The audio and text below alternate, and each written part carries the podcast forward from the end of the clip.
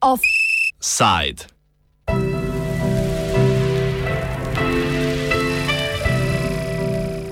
Koalicija Sajebanih.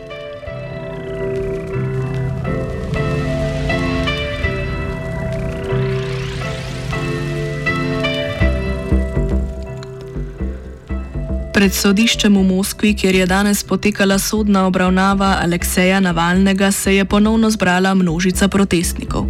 Približno 230 jih je policija aretirana. Navalni je obtožen, da je kršil pogoje pogojnega izpusta na prostost, ko je lani po zastrupitvi s trupom tipa Novičok zapustil Rusijo in se zdravil v Berlinu. Navalnemu grozi, da mu bo sodišče triletno pogojno kazen v sodnem procesu zaradi gospodarskega kriminala kriminala izpred petih let spremenilo v zaporno. Protesti v podporo Navalnemu se nadaljujejo od njegove vrnitve v Rusijo pred enim mesecem in so eni najbolj množičnih v Rusiji v zadnjih letih.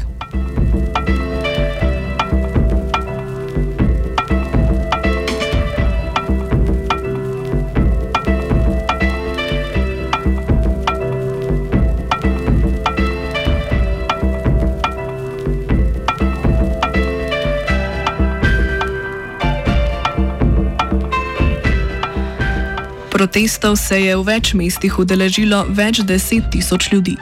Protesti niso bili uradno najavljeni, zato vsem udeležencem potencialno grozi aretacija. Izstopa podatek o številu aretacij. V nedeljo je bilo po podatkih policije aretiranih 5135 ljudi. Pred tokratnimi dogodki je bilo največ ljudi aretiranih na protestih, ki so sledili moskovskim volitvam v občinski svet, ko je bilo prijetih nekaj več kot 1300 ljudi. Na drugih dveh večjih prote valovih protestov v Rusiji, ki so bili po številu udeležencev primerljivi s takratnimi leta 2011, po parlamentarnih volitvah in 2018 ob sprejemanju pokojninske reforme, je bilo aretiranih po nekaj sto ljudi. Ben Aris, glavni urednik spletnega portala BNE Intelinius, oriše logiko oblasti pri nadzoru protestov. And so the Kremlin is using the police and the riot police, the OMON in particular, and it's beating people, but it's trying to do it enough to put people off from protesting, but not so much that they become radicalized and come out anyway. And to be frank, I think it's working. Um, the first protests on the 23rd of January um, we had around somewhere estimated 100,000 people, and the protests that just happened this weekend, there were less, but there were still significant numbers. I mean, in the tens of thousands. Um, and the arrests, there was about 5,000 people arrested. And again, to add to the threat, normally this would be an administrative um, uh, uh, problem uh, charge, um, which carries around 15 days in jail. But the police are coming with much more serious charges, um, like assaults on police officers. And those charges carry years in jail, which is another deterrent to try and stop people coming. Is that not only will you be arrested, but you could end up in jail for up to five years as a result of the participation. And it's a standoff. Um, there's going to be a hardcore group of people that will continue to come out. But what the Kremlin's trying to do is keep the numbers to a manageable amount. Thank you. Ruskemu predsedniku Vladimirju Putinu je javni center za raziskovanje javnega mnenja pred dnevi namiril 53-odstotno podporo, kar bi bilo za večino evropskih voditeljev zelo spodbudno. Za Putina pa je to eden najslabših rezultatov v njegovih dveh desetletjih na čelu ruske politike. Eden od razlogov je upočasnevanje gospodarske rasti. Rusija letos beleži največji delež nezaposlenosti od leta 2011.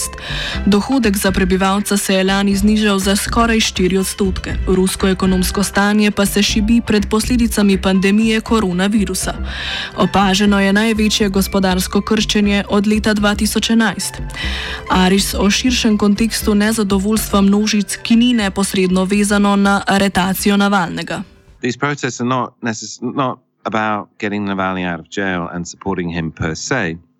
A lot of the Russians, you know, don't agree with him wouldn't vote for him as president, but they are angry about the arbitrary use of the law to just jail a political opponent.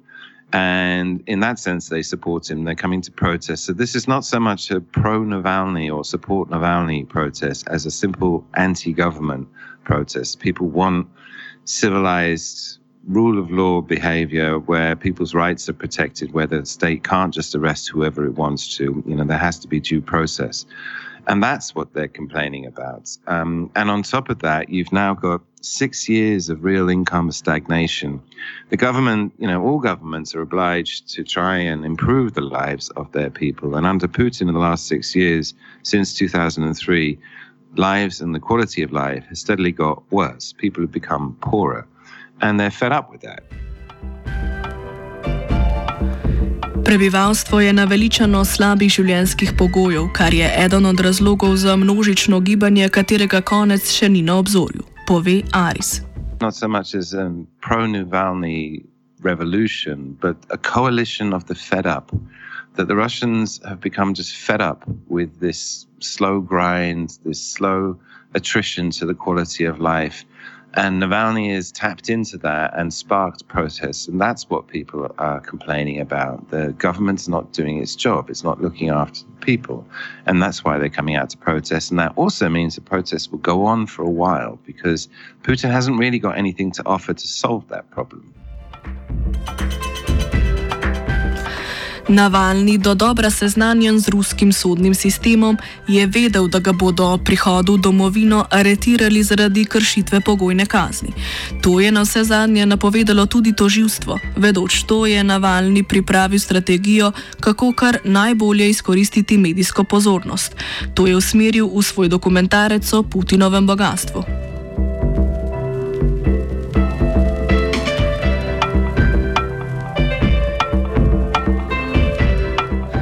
19. januarja je na ruski različici YouTube objavil skoraj dvourni videoposnetek o domnevnem dolgoletnem početju ruskega predsednika Vladimirja Putina. Visoko sproducirani videodokument, ki ga pripoveduje Navalny sam, govori o Putinovi goni za dobičkom. Med drugim podrobno prikaže graščino ob Črnem morju, ki je po besedah Navalnega v Putinovi lasti. Ta zgradba sicer ni bila skrivnost.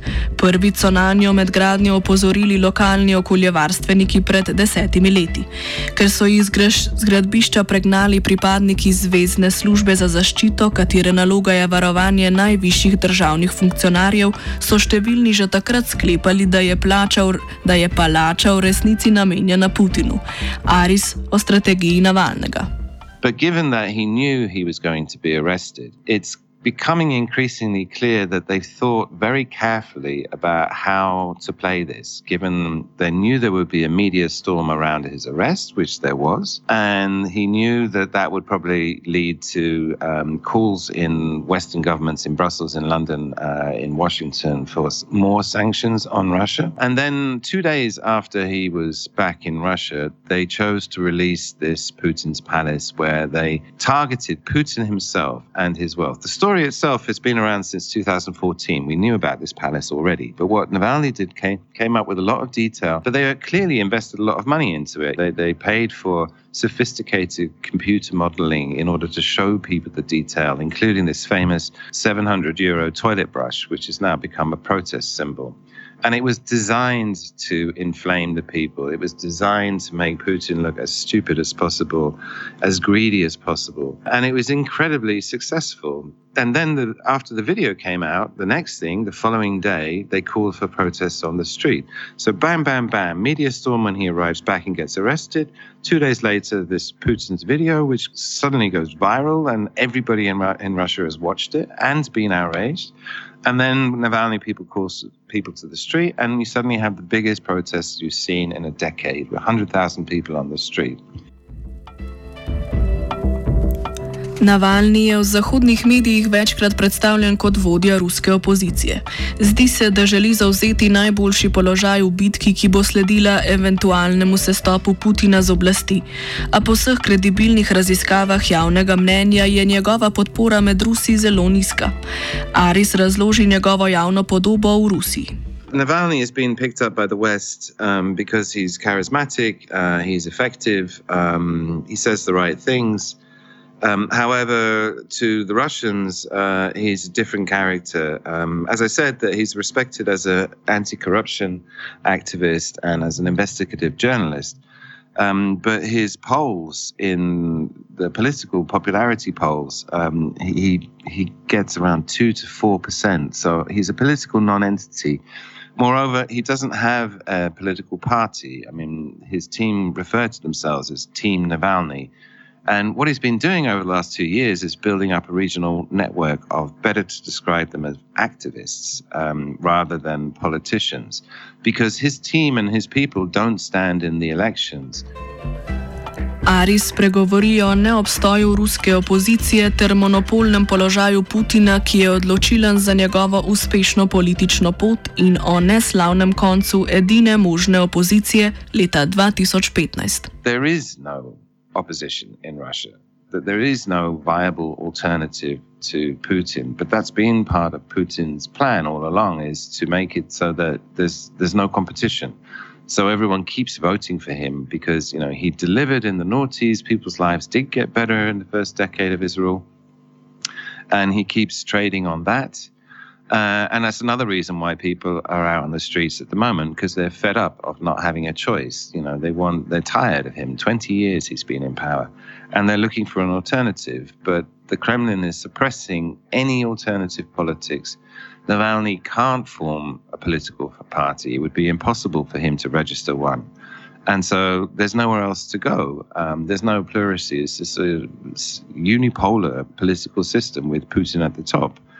Um, and people are tired. They want to change. They want some choices. They want somebody with a platform.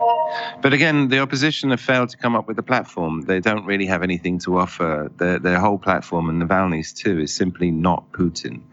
And the only person that tried to come up with an alternative was Boris Nemtsov, who, who did do an economic manifesto and did suggest things like you know tax breaks for small enterprises, heavier taxes on oligarchs, rich people um, but he was assassinated.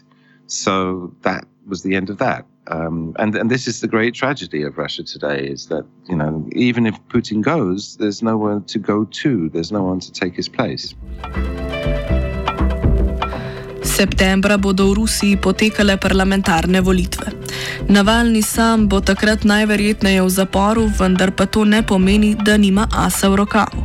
Ari so verjetnem naslednjem koraku Navalnega. I'm sure that Navalny has a plan that runs all the way through till the September Duma elections. One of the most obvious things he could do, if he's in jail, as he almost certainly will be, is put his wife up to stand in his place and repeat what Tikhanovskaya, whose husband Sergei was arrested just before the elections in uh, Belarus, and she very successfully stood in his place, and the entire country united around her because her motivation was clear. She has no ambition for power. She simply wants Lukashenko to step down, free and fair elections, release the political prisoners. A message everybody can get on board with. And if Yulia Navalnaya, Navalny's wife, steps into that role, she'll have the same message. And you can even see her and Tikhanovskaya campaigning together. And moreover, Yulia can then go to all the European capitals and play the same game that Tikhanovskaya has done and continue to bring significant international pressure on the Kremlin, something they don't want. Putin wants to tone things down with the West and get back to work and try and reproduce this prosperity in order to deal with the issue of people being unhappy about the decay of their quality of life. Za njegovo izpustitev so se med drugim izrekle Evropska unija in ZDA. Vendar pa ameriški predsednik Biden v nedavni zagrnitvi načrta zunanje politike ni omenjal dodatnih sankcij proti Rusiji zaradi retacije Navalnega. Med pomembnejše cilje je uvrstil obnovitev in izboljšanje pogodb o nazadovanju jedrskega orožja, ki so pro propadle v Trumpovem mandatu. To pa je tudi Putinov cilj. Oba predsednika sta se že strinjala o podaljšanju pogodbe Novi Start, ki omejuje število jedrskih konic za državi. Braniteljica demokracije bo tako verjetno prioritizirala takšne pogodbe pred kaznovanjem Rusije zaradi aretacije Navalnega in s tem kršitve demokratičnih vrednot.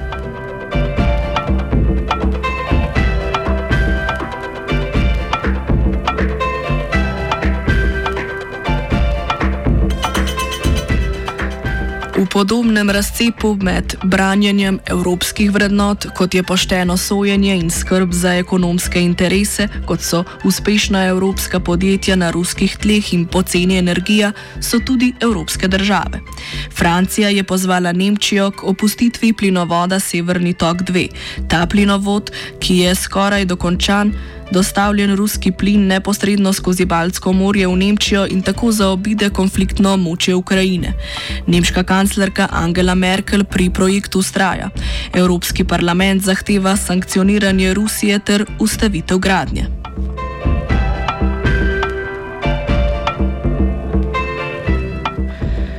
Aris argumentira, zakaj Nemčija severni tok kljub političnemu dogajanju vseeno vidi kot dobro ekonomsko investicijo in ga bo dokončala. issue is energy security, and the criticism of Nord Stream 2 is that it undermines European energy security. But actually, the opposite is the case because the bulk of the gas going from Russia to Europe goes through Ukraine. Ukraine is in a lot of trouble. It's going backwards. It's unstable. It's cut. It's unable to pay its bills some years, and the Russians cut it off when it doesn't pay for its its gas, which of course affects all European consumers because they don't get their gas either. And by running the gas through Nord Stream two, then you improve European energy security because it becomes a simple contractual deal whereby Germans pay the Russians for the gas, the gas comes. And it gets rid of this unknown in between with Ukraine. And of course, Ukraine and Russia are fighting all the time, which adds extra uncertainties to the relationship, particularly with the gas transit. So the Germans are very much married to the idea of Nord Stream 2 as an economic project, which is what Merkel keeps calling it an economic project as a political project, it's a lot more uncertain, uh, a lot more difficult. And on top of that, you've got the US putting pressure on Germany to cancel Nord Stream 2 because of this argument, it undermines European security. But then America has an uh, ulterior motive because it's now producing large quantities of LNG, liquefied gas, and it wants to export its LNG to Europe, but it can't because Russia's supplying a third of Europe's gas through pipes, which are cheaper and more reliable. And given that the pipeline is 95% finished, given that the Germans want it, um, I'm pretty sure that it will be completed. Navalni poskuša izkoristiti beloruski model upora, nenasilni protesti in verjetna kandidatura njegove žene na mesto njega, Ala Tihanovska. Ravno tako, kakor v primeru Belorusije, bodo ekonomski in politični interesi prevladali nad branjanjem vrednot. Poleg severnega toka, ki Evropi omogoča cenejšo energijo in preprečuje, da bi rusko-ukrajinski konflikti ogrožali dostavo plina, je v igri še bodoča politična stabilnost. Rusija je vendarle pomemben faktor ureditve marsikaterega spora, ki se tiče Evrope. Od jedrskih pogodb z ZDA do vojne v Siriji do iranskega jedrskega dogovora. More biti pa bodo Navalnemu podarili nagrado Saharovega in kup pohvalnih besed, tako kot so jo beloruski opoziciji.